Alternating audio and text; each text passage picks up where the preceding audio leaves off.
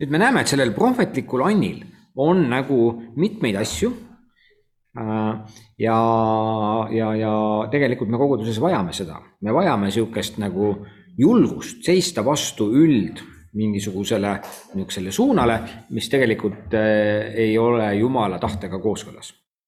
me vajame seda ja prohvetlik and, prohvetlikud inimesed toovad selle nagu jõuliselt esile. ja nad on niisugused kompromissitud tihti. Nad nagu ei anna järgi, nad hoiavad sellest kinni, mida nad usuvad, et on tõde. nüüd, mis juhtub siis, kui see prohvetlik mõju hakkab domineerima? Äh, meie asi muutub niisuguseks ühedimensiooniliseks. eks ole, kuna prohvetlikud inimesed rõhutavad just seda Jumala nagu dimensiooni, vertikaali nii-öelda, siis see horisontaal jääb tähelepanuta. Eks ole, ja tihtilugu ta on niisugune perutav, selles mõttes, et ta on niisugune terav, äh, ta on konfronteeriv, vastandav, eks ole, siis, äh, siis kõigil ei ole lihtne sellega toime tulla. Kui Jumal midagi ütles, siis faktidega pole vaja arvestada, eks ole.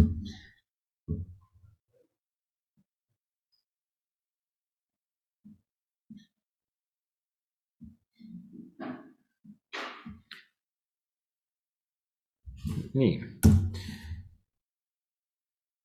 ja prohvetlik and võib ka, kui see domineerib, see võib lausa olla ründav või see mõjub äh, teistele ründavalt. ja ta on nagu eksklusiivne, ta nagu, ta tahab domineerida.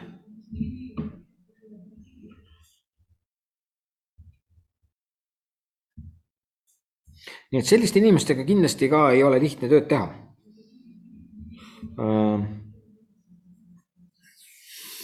Ja ometigi, kui meil neid ei ole, me võime muutuda väga niisuguseks inimlikuks lihtsalt eks ole, nii et me vajame väga seda jumala vertikaalset äh, nägemust. ja noh, ütleme selline, kõik need asjad, mis me siin näeme, need on väga omased karismaatilistele kogudustele.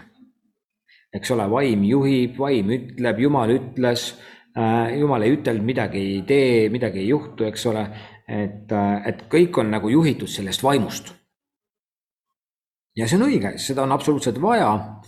Äh, vahest sellises keskkonnas võib tekkida küsimus, aga milleks Jumal üldse tegi liigselt tööd, et ta lõi inimesele aju.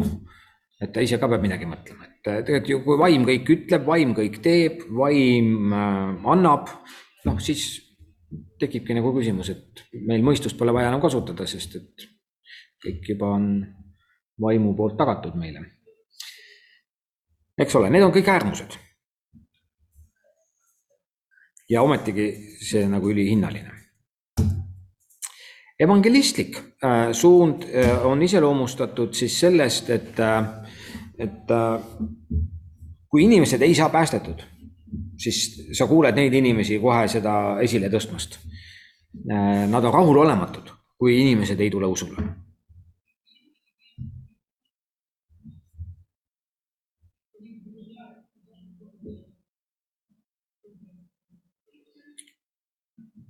ja eesmärk on ikkagi Jumala riigi äh, nagu laienemine, et uued inimesed saaks tulla Jumala riiki, see on kogu asja point. Ähm.. nüüd, kui evangelist töötab koos teiste andidega, mis siis juhtub? jälle seesama natukene, mis apostelliku anniga, usk levib, selle mõju kasvab ja inimesed vastavad Jumala kutsele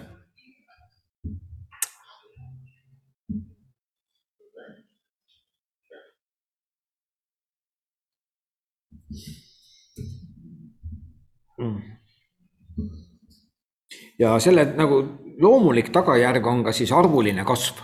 me näeme seda Apostlite tegude raamatus väga selgelt, et, äh, et toimus niisugune tsükliline arvuline kasv.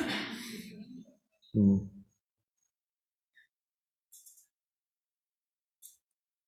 et inimesed lihtsalt ei liigu ühest meeldivast kogudusest teise meeldivasse kogudusse, vaid tervikuna uued inimesed tulevad kogudustesse see on evangelistliku anni mõju. nüüd, kui see toimib koos teiste andidega, siis tegelikult sinna tuleb sisse see pool, et kui inimene jõuab kogudusse, siis seal on pastoraalsed inimesed juba, kes võtavad temast hoolt, õpetajad, kes aitavad tal kasvada, varustavad teda teadmistega. ühesõnaga, et need kõik hakkavad niimoodi koos toimima, et selle tulemusena tekivad uued küpsed jüngrid.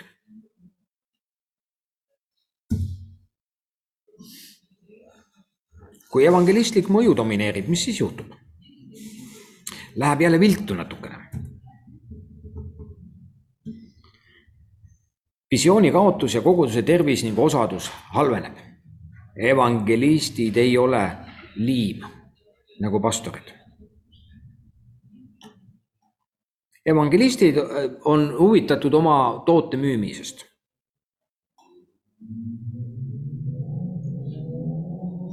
Ja selles suhtes ka nemad on huvitatud ainult sellest, et inimesed saavad päästetud muu neid väga ei huvita. ja selles mõttes kogudus jääb ühekülgseks ja võib ära kaotada täiesti ka oma, oma visiooni isegi. ja evangelistid ei ole inimesed, kes hoolivad inimestest. mis tähendab ka, et koguduse sees äh, see osadus halveneb, õieti nende põhi, evangelistide põhifookus on, et kuidas me saaks mõne evangeelse kampaania kuskil püsti panna, plakatid panna kuskile ülesse. Äh, ma mõtlen evangeelse ürituse kutsega plakatid näiteks või mingid muud asjad. Äh, kuidas me saame nii-öelda uusi inimesi kogudusse, aga mis koguduse sees toimub, see evangelisti jaoks üldiselt ei ole oluline. ja selles mõttes ka usu perspektiiv on hästi kitsas põhiliselt äh, inimene ju tuleb Jumala juurde läbi selle, et ta tunnistab, et Jeesus Kristus on tema päästja, eks ole. Äh, teeb oma, oma kas siis patusepalve või oma pühenduse äh, Jeesusele. ja see on tohutu suur asi. see on meeletult suur asi, eks ole, aga teiselt poolt, kui ainult see jääb, siis see jääb väga lihtsaks ja lihtsustatuks ja see sobib uskmatutele, kes otsivad ja tahavad tulla kogudusse ja tulevadki. ja see on ülivajalik, see pööre või see pöö nii-öelda meeleparandus või, või, või see nii-öelda pööre Jumala poole on, on nagu hästi tähtis. aga see ei ole nagu kogu asi. pastoraalne and. pastoraalne and äh, loob armastava ja vaimulikult siis küpse keskkonna ütleme nii, et pastoraalne and loob sellise hoolimise õhkkonna ja atmosfääri koguduses. kui koguduses on pastoraalse anniga juhid või juht, siis inimesed tunnevad, et nad on äh, olulised, nad on väärtustatud ja nad on äh, märgatud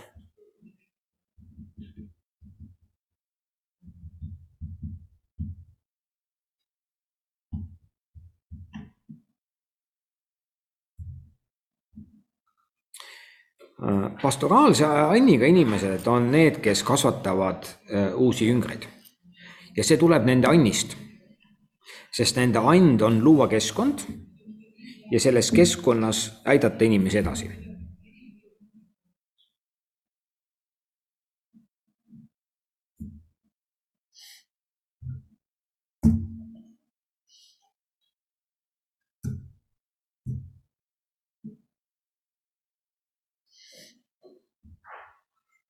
nüüd pastoraalne mõju koos teiste andidega loob keskkonna inimeste usus kasvamisele, näiteks pastoraalne and ja õpetaja and.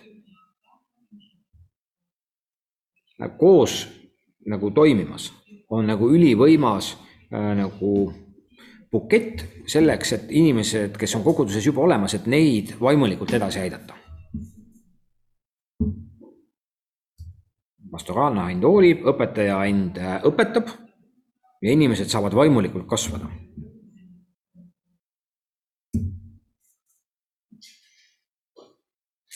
ja, ja koos ütleme näiteks kasvõi teiste andidega, äh, siis see pastoraalne and nagu toimib, et, et luua ka nende erinevate inimeste vahel koguduses, luua nagu sellised sidusad ja toimivad suhted, mis tähendab, et et pastoraalne and ei saa seda tihtilugu üksinda teha. Sest armastavad suhted päeva lõpuks ei koosne ainult sellest, et me lihtsalt saame üksteisega ilusasti läbi ja me oleme nagu toredad inimesed. koguduses armastavad suhted tähendab ka seda, et me tegelikult hakkame üksteise eest hoolitsema, mis tähendab seda, et tegelikult ei ole nii, et me lihtsalt saame hästi läbi, aga et me tegelikult aitame üksteisel kasvada ja jõuda paremini ja, ja, ja nagu fokusseeritumalt oma tugevusteni, oma kutsumuseni. Armastavad suhted. Lähevad käärima, kui koguduses ei ole visiooni, kui koguduses ei ole nagu seda terviklikku nagu edasiminekut. et äh, üks tunnusjoon konfliktidest koguduses tuleneb just sellest, et, äh, et kogudustel ei ole visiooni, nad ei liigu kuskil, nendel on head suhted seal, kõik on tore, aga varem või hiljem see läheb käärima. Mis tähendab, et nägemust on vaja. Aga seda ei tule pastoraalselt kandilt inimeselt, üldjuhul, üldjuhul mitte.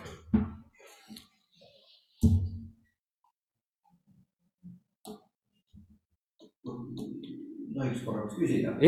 aga noh, ütleme, see on nüüd, me räägime küll paljuski nagu rajamisest, aga mm, -hmm. aga nüüd on see toimiv kogudus ja kui nüüd toimivas koguduses pastoril ei ole visiooni, siis siis kuskohast siis tuleb see, see osa või, või kus need, need apostliku anniga on juba ees pannud kusagile mujale järgmist juba looma, et. Äh, ei pruugi, ei pruugi, aga võib äh,. pastori, pastori Anniga inimese visioon on inimesed. see ongi tema visioon. inimeste heaolu, inimeste siin selles kohas olemise nagu niisugune turvalisus eks ole, pastoraalne and loob turvalisust. Näiteks mul on pastoraal, pastoraalne and, kui ma tulen siia klassiruumi, äh, siis minu esimene sihuke ambitsioon on tegelikult, et te kõik tunneksite ennast siin hästi. et teil oleks siin nagu mõnus olla. ja natukene selle pastoraalse anniga tuleb kaasa see ka, et ma meeldiksin teile, sest et kui ma teile ei meeldi, siis, siis ma ei saa teile luua seda head heaolukeskkonda, eks ole, või turvalist keskkonda aga, aga see on pastoraalse anniga inimese nagu niisugune põhiambitsioon. Tema ambitsioon ei ole luua visiooni. inimeste heaolu on tema esimene asi. nüüd, me ei ole veel seda maininud, aga ma mainin selle siis nüüd ära. ma plaanisin seda mainida lõpus. aga, aga, aga mitte keegi meist ei ole puhtalt nii-öelda või ükski juht ei ole puhtalt ühe anniga mis tähendab seda, et äh, erinevate isikute puhul, erinevate juhtide puhul ka need annid kombineeruvad ja on ülekattega. Nüüd on küsimus, milline and on domineerivam ja millised on need annid, mis on nagu siin juures olemas, nii-öelda saab äh, annid, allannid, kui nii võib öelda. ja, ja selles suhtes äh, pastoraalsel juhil võib olla näiteks nii, et temal see esimene and on pastoraalne and, aga tal on väga tugevalt seal kõrval näiteks evangeel-, evangeelne and eks ole, evangelisti and. ja ilmselgelt sellise anniga inimene, kes hoolib inimestest ja tal on evangeelne and ka, siis tegelikult tema evangeelne stiil on tõenäoliselt läbi oma pastoraalse anni. eks ole, äh, kui näiteks pastoraalse anni kõrvale tuleb apostelik and hoopis, eks ole, siis nägemuses tõenäoliselt puudust ei saa olema. on ju, nii et, et seal on alati kombinatsioon. ja tegelikult internetis on olemas isegi siuksed võimalused et inimesed saavad teha oma testi. Seesama APES test, saab selle teha äh, ja vaadata nagu, kus mina siis omadega olen. kus mina siis omadega olen, nii et. see test oli eesti keeles? ei, inglise keeles. keegi ei ole seda teinud? ei ole, ei neid, Eestis on auditoorium nii väike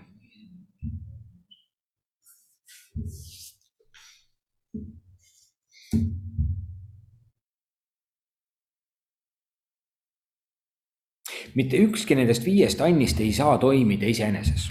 ja kui hakkab iseenesest toimima, siis ta hakkab endale vastu töötama.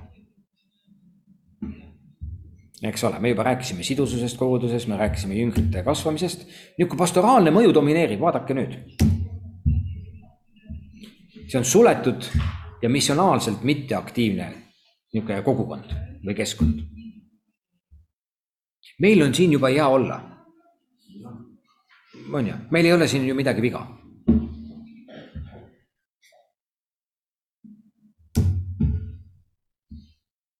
ja mis juhtub, kui on hea pastor ja ta hoolib inimestest, tekib sõltuvus. tema on meie pastor siin, eks ole, ja, ja, ja, ja selles mõttes seda ei saa ka halvaks panna, aga teiselt poolt sellel on ka oma negatiivne pool. selles mõttes, et kogudus ja pastor, nendel tekib vastastikune sõltuvus. Pastor meeldib kogudusele, kogudus valib teda iga mingi aja tagant tagasi, maksab talle palga, pastor saab oma palga, tal on kõik nagu hästi elus ja kui ta ei ole niisugune ütleme, edasiliikuv või väljapoole sirutav isik, eks ole, siis, siis, siis ta on rahul sellega, mis seal on. ja ka kogudus on rahul, sest ta hoolitseb nende eest.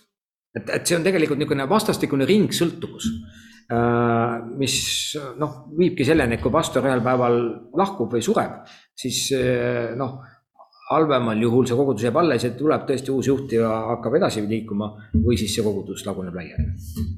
kas pastorite rotatsioon aitaks vaata need, miks see sõltub denominatsioonist. on kohti, kus see toimib väga hästi, näiteks Adventistide Liidus Eestis on mingi aja tagant kogu aeg pastorite rotatsioon ja pidevalt valitakse ümber. metodisti kirikus mingil määral ka toimuvad mingid määramised. Aga on kohti, kus äh, pastor meil, näiteks meie kirikus on ikka väga pikalt ühes kohas. sest et meie pastorid on lokaalselt nii-öelda kohapealsed inimesed mis tähendab, et nende liikumine on nagu ülikeeruline. ja see loob mingi täitsa teistsuguse dünaamika, nii et äh, mõni kaks, kolmkümmend järgmist aastat hakkab näitama, mis sealt tuleb. nii et äh, selles suhtes äh, see on väga tore, kui on väga hooliv pastor ja inimesed, kogudus hindab oma pastorit, peab tast lugu, eks ole, aga me näeme, et see on ka tupiktee päeva lõpuks, kui see ainult domineerib pastoraalsed inimesed ei raja tugevat alusstruktuuri, süsteemsust, sest nende fookus on inimesed. pastoraalsed inimesed on natuke lainetavad ka. Nad võivad tulla ruumi ja oi, tere ja oi kui tore ja, ja, ja, ja järgmisel hetkel on nendel mingisugune uus mõte, eks ole, mingi asja kohta, aga, aga ütleme nii, et tervikuna nad ei raja süsteemsust. ja tihtilugu nad ise ei pruugi olla ka süsteemsed inimesed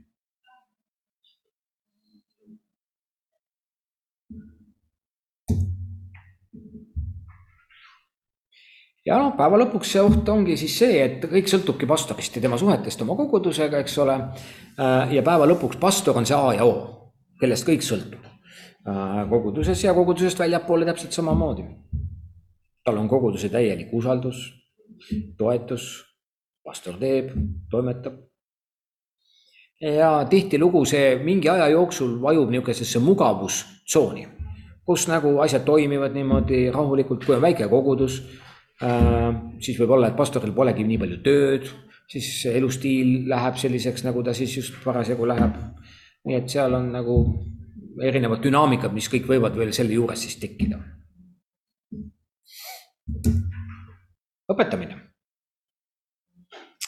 õpetamise põhifookus on siis äh, eristamine, eristamine selles mõttes, et, äh, et mis on tõde ja mis ei ole tõde et õpetamise Anni puhul on see nagu hästi oluline. Äh, et, äh, et me seisaksime õigel õpetuslikul alusel. see oli Aposteliku Anni puhul, kui te mäletate, aga Aposteliku Anni puhul see on motiveeritud just koguduse efektiivsusest lähtuvalt. õpetamise Anni puhul see on motiveeritud tõest lähtuvalt. nagu kirjutab äh, armas vend Johannes, ütleb, et armsad lapsed, mul on hea meel, et te käite tões, te elate tões eks ole, et, et see tões käimine ja tões elamine on nagu hästi oluline. õpetamise Anni niisugune väga oluline komponent on siis ka juhendamine. Äh, juhendamine, vaimulik juhendamine, jumala sõna tõdede edastamine või nende alusel juhiste andmine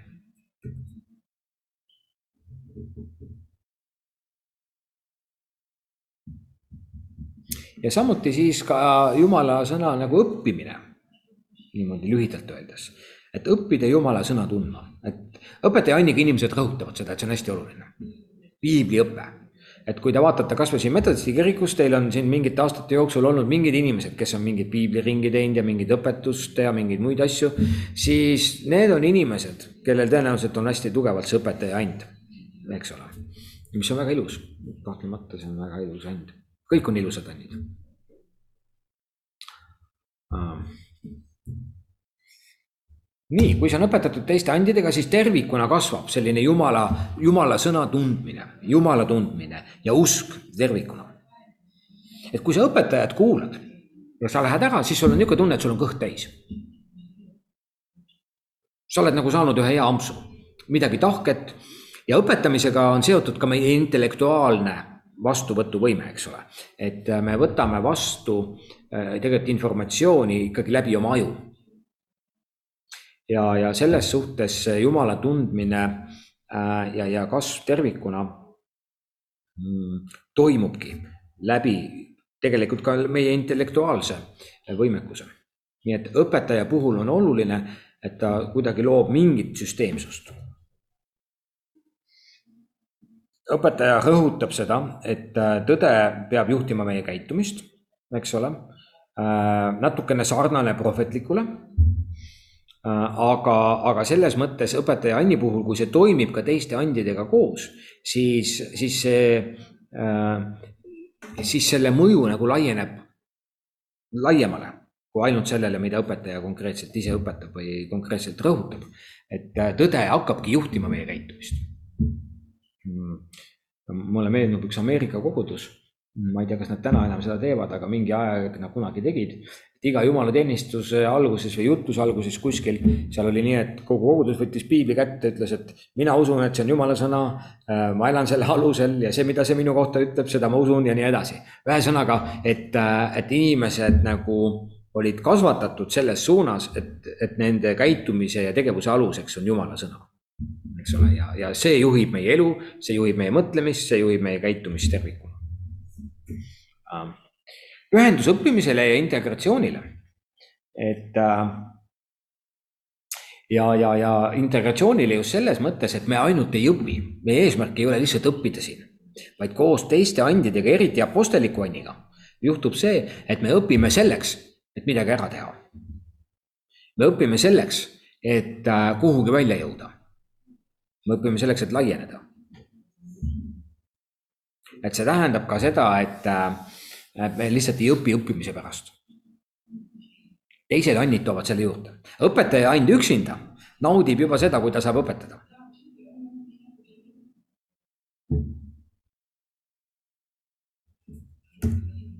Nonii, ja mis juhtub, kui õpetamise and domineerib? tekib teoloogiline dogmatism. Nii-öelda õige asja nagu, nagu niisugune juuksekarva lõhki ajamine õpetuslikes küsimustes niisugune teoloogiline dogmaatilisus, niisugune õige õpetuse nagu ülipeeneks ajamine ja selle rõhutamine. ja kui keegi natukene ütles juba valesti, vale termini, ütles vale seletuse, siis juba, juba on alarm.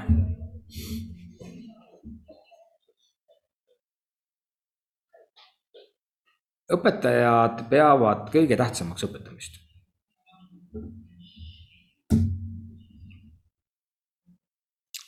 tekib teatud laadi kristlik gnostitsism. see tähendab seda, et me saame päästetud läbi selle, et me lõpetame Eesti Metodisti Kiriku teoloogilise seminari. kui me seminari oleme lõpetanud, siis on kõik meiega korras. ja ma natukene pingutan üle, kui ma nii ütlen, eks ole, te saate juba aru, aga, aga idee on sellest, et me, et me saame päästetud läbi piibli tundmise ja teoloogia. Et kui meil on see õige õpetus ja õige teoloogia, siis on meiega, siis, siis me oleme alles õiged kristlased õpetaja puhul nendel ei ole nii oluline, kui äh,, kuidas me evangeliseerime oma elus, kuidas me praktiseerime teisi kristlikke distsipliine oma elus. oluline on see, et me nagu teame õiget õpetust. ja võib juhtuda isegi seda, et piibel hakkab asendama püha vaimu. Mis tähendab seda, et piibel nagu, nagu pühavaimu juhtimist täna pole enam vaja, aga, aga piibel nagu on piisav meie jaoks. ja teatud ülerõhutamisega äh, me võime sellega minna äärmusesse.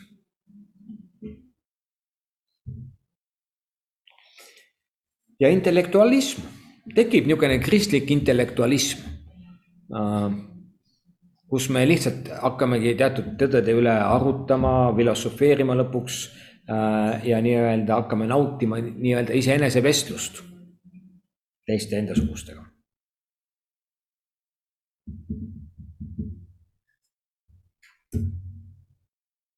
nii, nüüd me oleme vaadanud neid viit andi. mida teie arvate, millised nendest andidest domineerivad meie kirikutes ja kogudustes?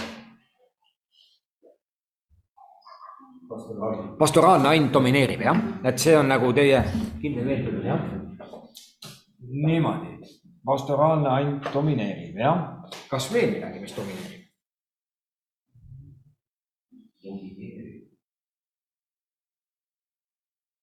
või ongi nii, et ainult see pastoraalne põhimõtteliselt domineeribki?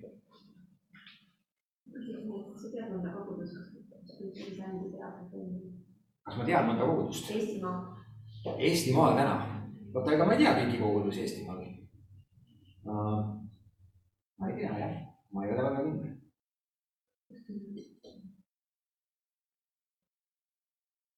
ma küsin siis niimoodi, kui me ütleme, et pastoraalne and domineerib, aga milliseid ande nagu me kogudustes täna siiski võime ka veel näha? Nendest viiest. õpetamist ikkagi esineb teatud määral, eks ole. nii. evangeeliumit üritatakse ju kuulutada. Mm -hmm. evangeeliumit üritatakse ka kuulutada, eks ole, jah mm. -hmm. mis me nende kohta ütleme? noh, loomulikult on see, et seda on raske öelda, noh, vahel segamini ajada selle kriitiku ja opositsionääriga mm. -hmm. see jumalik pool on nagu, nagu madalam, aga see nagu vastu, vastu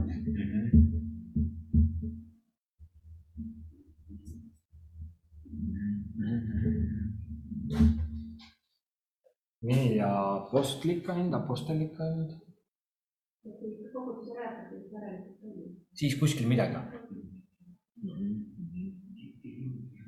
aga ütleme nii, et pigem natukene niimoodi, need kaks on natukene niisugused, et nende kolme anni puhul siis me, me võime siiski öelda, et need on olemas, pastoraalne on meil tõenäoliselt kõige domineerivam äh, kogudustes äh,.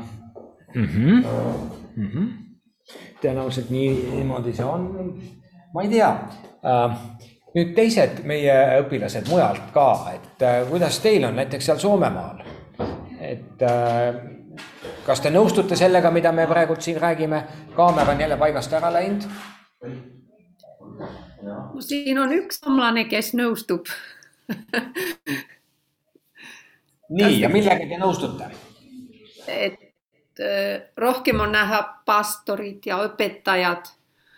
ma ise olen nelipühi koguduses, et on ka mõned evangelistid olemas ja on küll ka apostoleid, selliseid, kes äh, äh, lähevad ja kelle ümber nagu on see vaimulik liikumine nähtav.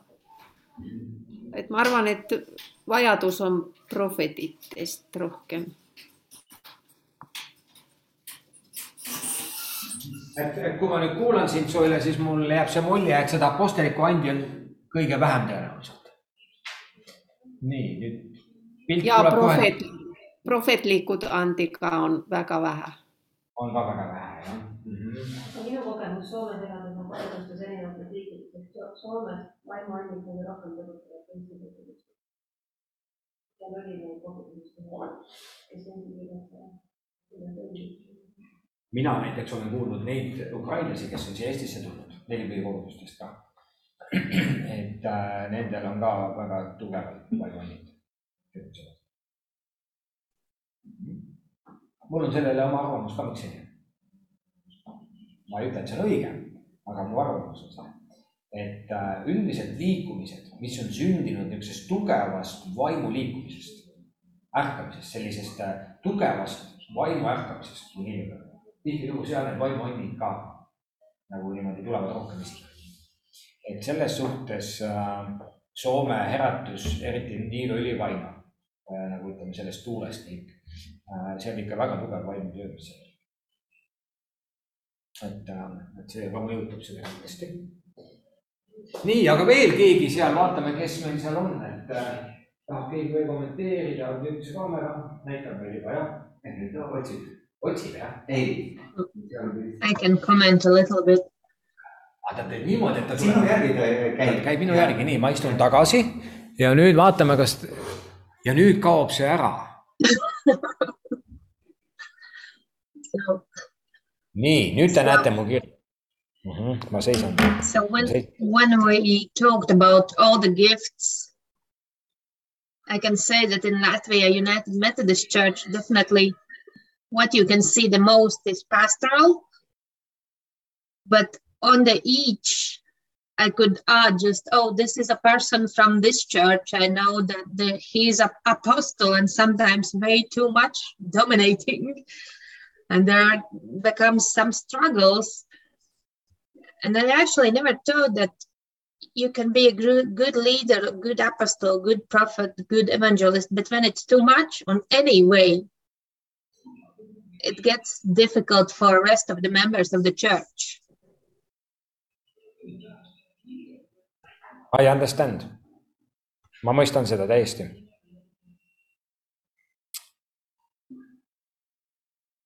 Mm -hmm.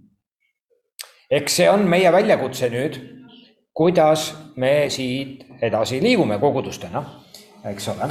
aga kui me räägime koguduse rajamisest, siis me oleme aru saanud, eks ole, et koguduse rajamise kontekstis see apostlik and ilmselgelt on oluline et see on esindatud mingil määral.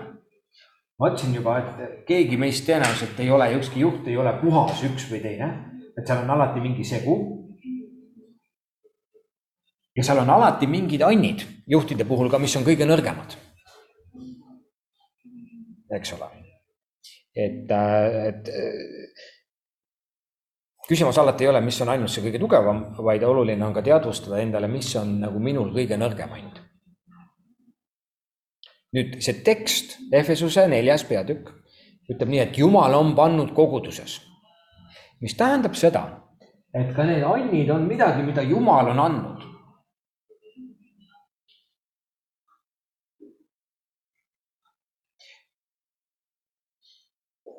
Ma, ma veel annaks niisuguse selgituse siia juurde.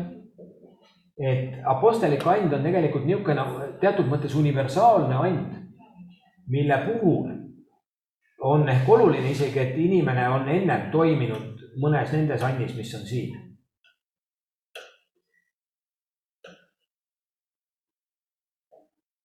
ja ta võib kasvada siia. aga mitte kõik juhid ei pruugi kasvada siia, selles mõttes, et olla selline nagu üld nagu juht. aga kui tal ei ole neid mingisuguseid asju või kogemusi ennem all Äh, siis tegelikult ta jääb ebaküpseks. et apostlik and selleks, et oleks niisugune tulemuslik, küps ja terviklik, on oluline, et tal on äh, teisi kogemusi all.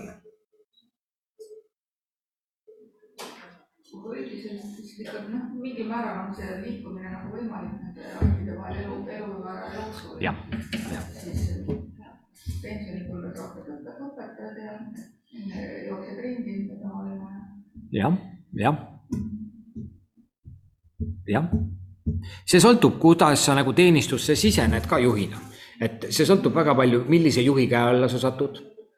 milline on see kontekst, kuhu sa satud, eks ole, et äh, see kõik mõjutab et sa võid nii-öelda pastoraalses annis toimida evangelismi andis toimida, isegi prohvetlikus teatud mõttes või õpetamises, aga apostellik and on ka niisugune and, milles sa ei saa toimida ilma, et nagu ka teised nagu tunnustaks seda võimekust, mis sul siis on. ja üldiselt see tuleb kogemustega ja aastatega. Et kui keegi kahekümne aastane kargab kiriku uksest sisse ja ütleb, mul on apostellik and siin ja ma panen nüüd minema noh, siis tõenäoliselt ta paneb üksinda, keegi talle järgi ei lähe. nii, nüüd. nüüd meil siis, nüüd me siis näeme, et meil on tegelikult probleemid, eks ole, ja kui me räägime koguduse rajamisest, siis kui apostlik and esineb kõige vähem, valdavalt, siis pole ime, et me ei raja kogudusi niimoodi, nii et me jõudsime praegu siis sellisele järeldusele. meie ühiskonnas on ka siuksed muutused toimunud, et me oleme mugavustsoonides hea ühiskonna. see on võib-olla põhjus. see on põhjus, miks me ei raja kogudusi, eks ole. ja see on Jah. riski, see loob ebamugavustsooni, vanade asjade mahajätmist. jah, kindlasti sellel on oma osa. eks neid komponente on veel, näiteks äh, minu isiklik nagu lähenemine on just see, et kuna neid apostellikke ande või neid inimesi selle anniga ei ole palju, neid on nagu väga vähe, siis äh, mm, selle tulemusena ka vaata, asi on selles, et sellised inimesed tekitavad üldse jänukoguduse rajamise järgi. et see janukoguduse rajamise järgi ei tule pastoraalse anniga äh, inimeselt, eks ole, apostlik and, kui see tuleb ruumi sisse või ta hakkab kuskil siin, me, või me hakkame temaga kokku sattuma, siis ta loob teatud sellise atmosfääri või, või, või niisuguse nagu õhkkonna, mille tulemusena hakkavad tekkima teatud mingid impulsid, mingid mõtted, mingisugused suunad. ja kuna neid on nii vähe, siis, siis lihtsalt neid impulsse ei teki nii palju. Apostel Paulus võttis oma ümber inimesi, kui palju temal oli meeskonnas inimesi, keda tema kaasas, kellele ta saadab tervitusi oma kirjades. see on uskumatu, kui palju neid oli ja tõenäoliselt neid oli veel rohkem, me kõiki ei teagi. et äh, et sellised inimesed oskavad, suudavad kaasata endaga inimesi, kellega koos nad liiguvad edasi. nii et need teised ka tahavad liikuda. kas see koguduste loomine nagu just vabakogudustena, nii et see ei ole kellegagi seotud, tuleneb ka mingist ühiskondlikest mõjudest või see, et ma tahan teha nii, nagu mina tahan teha või mis on ka kuidagi piirkonniti nagu erinev, et noh, Eestis vist on see nagu järjest rohkem ja Soomes vist on ja ja et, et sa ei taha nagu olla kellegagi seotud, et sa tahad nii nagu Eestis hakkas neid MTÜ-sid hästi palju tulema, et igaüks teeb oma MTÜ, siis sa ei taha nagu nõustuda teise visiooniga.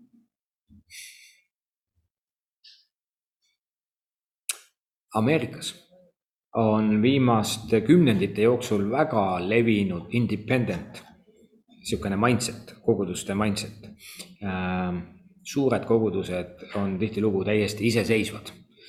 kas nad nimetavad ennast community church, niisugune kogukonna kirik, tihtilugu nendel on ka niisugused väga moodsad kaasaegsed nimed ja ma lugesin mõned aastad küll tagasi juba mingit statistikat ja põhimõtteliselt tuli välja, et Ameerikas kõige suuremad kasvavad kogudused ongi need independent churches, mis ei ole piiratud denominatsiooni piirangutest.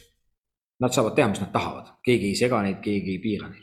see oht on seal, et nad on üksinda ja kui nendel on probleemid, siis nad peavad ise oma probleeme lahendama. aga Ameerikas ka sellised edukad kogudused tihtilugu on sellise ettevõtluse mõtteviisiga et me olemegi ettevõte, eks ole, ja, ja, ja selles mõttes seal on oma juhatus, kes siis asjadega tegeleb. Niisugune ärimudel, jah, võib nii öelda küll. et, et kas siin Eestis, mina üldiselt olen olnud selle mentaliteediga, et ikkagi hea on olla kellegagi koos. selles suhtes, et sa ei ole üksinda. ja arvan, et see on nagu oluline selles suhtes, et koos me oleme tugevamad nüüd. ja, aga isegi kui me oleme koos ja kui seal on inimesed, kes ikka ei kuula, noh siis, siis ausalt öeldes ma ei näe sellest ka kasu, et ühesõnaga tegelikult see koos olemine peab olema otsustatud kõigi osapoolte poolt, et me oleme koos ja jätkuvalt tahetud koos olla, jätkuvalt tahetud üksteist kuulata, üksteisega rääkida ja nagu koos teha. aga kui me oleme nime poolest koos, aga sisuliselt enam koos ei ole, noh siis igaüks vaatab ise suunda ja igaüks ajab oma asja, noh, siis, siis on ka kurb.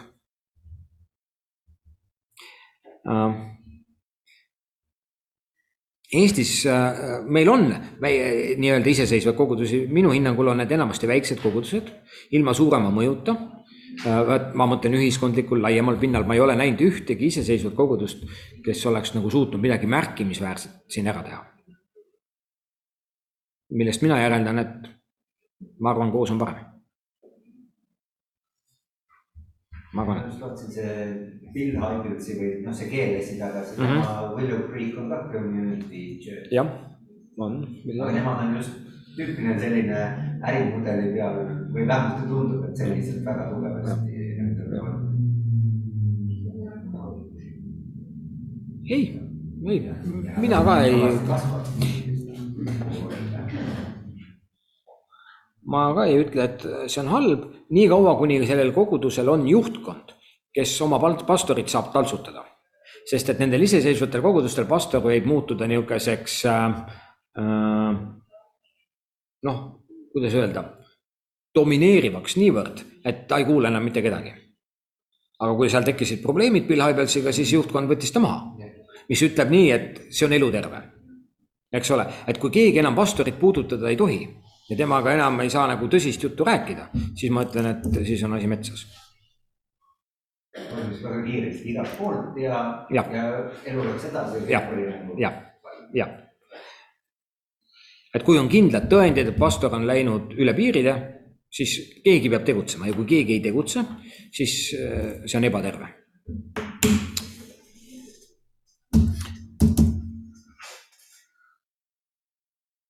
nüüd me räägime koguduse rajamisest. Apostlike juhtide nüüd veel tunnused. ma tahan mõned asjad eriti esile tuua Äh, apostlikud juhid on tihti niisugused äh, nagu vaimulikud isad, kes kasvatavad uusi äh, juhte. ma nimetaks niimoodi, mitte ainult jüngreid, aga tegelikult uusi juhte. et äh, ja nad võivad olla ka vaimulikud emad, et see siin ei ole nagu mõeldud sugu kui niisugust, siin on mõeldud seda rolli kui niisugust äh,. teiseks apostlikud juhid alustavad uusi asju. põhimõtteliselt see tähendab seda, et nendel on mingisugune võimekus puhuda kuhugile elu sisse, kus elu ei ole.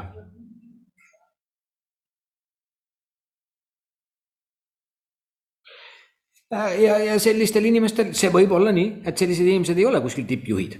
see võib olla ka nii, et need inimesed ongi kuskil tavalised koguduse liikmed, aga, aga nad puhuvad sisse väikegrupile elu, nad suudavad inimestele vaimulikku elu innustust anda niimoodi, et need inimesed hakkavad tegema järgmisi samme oma elus.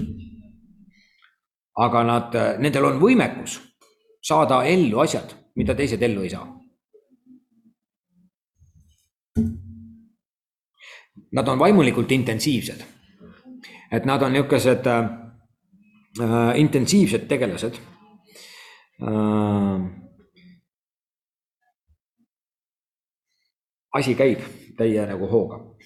Nende masinavärk käib et selles suhtes mm,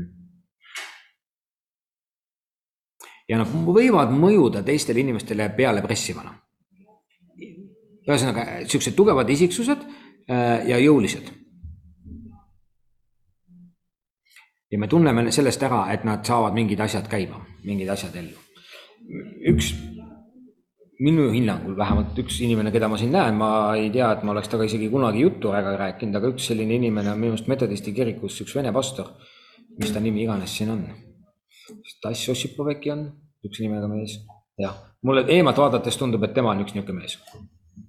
Et ta puhub mingeid asju sisse, ellu kutsub, hakkab pihta kogudusega kuskil mm, ja saab asjad käima jah, ja teine pingutab ja punnitab, ei tule midagi ja teine vend nagu tundub, et nii kuidagi nii lobedalt nagu tuleb. tegelikult ei tule lobedalt, kahtlemata. eks ole, aga, aga seal on intensiivsus palvele, seal on intensiivsus paastule, seal on intensiivsus Jumalale pühendumisele ja selle intensiivsusega nad nagu saavad asju tehtud. Apostlikud juhid mõtlevad struktuurselt. Nad loovad põhimõtteliselt nad püüavad luua süsteemi, mis nagu hakkaks ise toimima. ebaterved apostlikud juhid seovad kogu süsteemi enda ümber või keeravad selle kogu asja enda ümber. eluterve lähenemine on see, et apostlik juht loob süsteemi siis tegelikult astub ise välja ja süsteem hakkab edasi toimima. See ei tähenda, et ta kohe peab välja astuma, aga ütleme niimoodi, et ta ei loo süsteemi endast sõltuvaks või enda ümber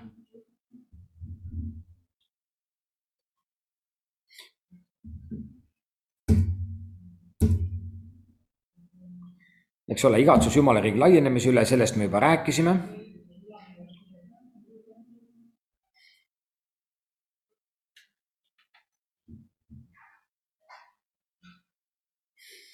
Ja selliste inimeste puhul küsimus alati ei ole geograafilises territooriumis, mida nad tahavad laiendada, vaid see võib olla ka ühiskondlikus nagu äh, pildis, see võib olla mingi valdkond. eks ole, see võib olla mingisugune ala äh, teatud inimesed, teatud inimeste grupp, kelleni nad tahavad jõuda. eks ole, aga, aga selline, selline igatsus, selline kirg ja soov sinna jõuda. Sellised inimesed üldiselt reageerivad suurtele väljakutsetele.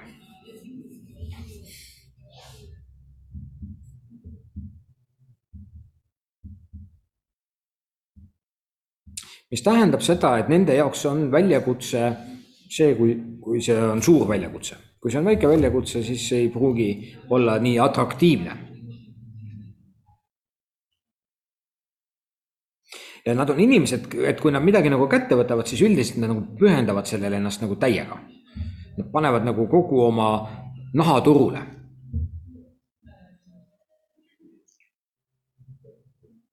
et nad põhimõtteliselt loovad nagu võimaluse, et nad, nad, nad võivad ka läbi kukkuda, aga nad nagu ei tee allahindlust oma pühendumises, nad annavad nagu maksimumi selle asja sisse äh,, siis kuhu nad panustavad. Nad hüppavad selle asja sisse või nagu kargavad võib isegi öelda ja need on inimesed, kes pööravad mingisugused niisugused hetked mingiteks liikumisteks. Nad näevad midagi, mida teised ei näe, nad näevad võimalust, nad hakkavad pihta ja teised alles tagantjärgi saavad aru, et midagi juhtus.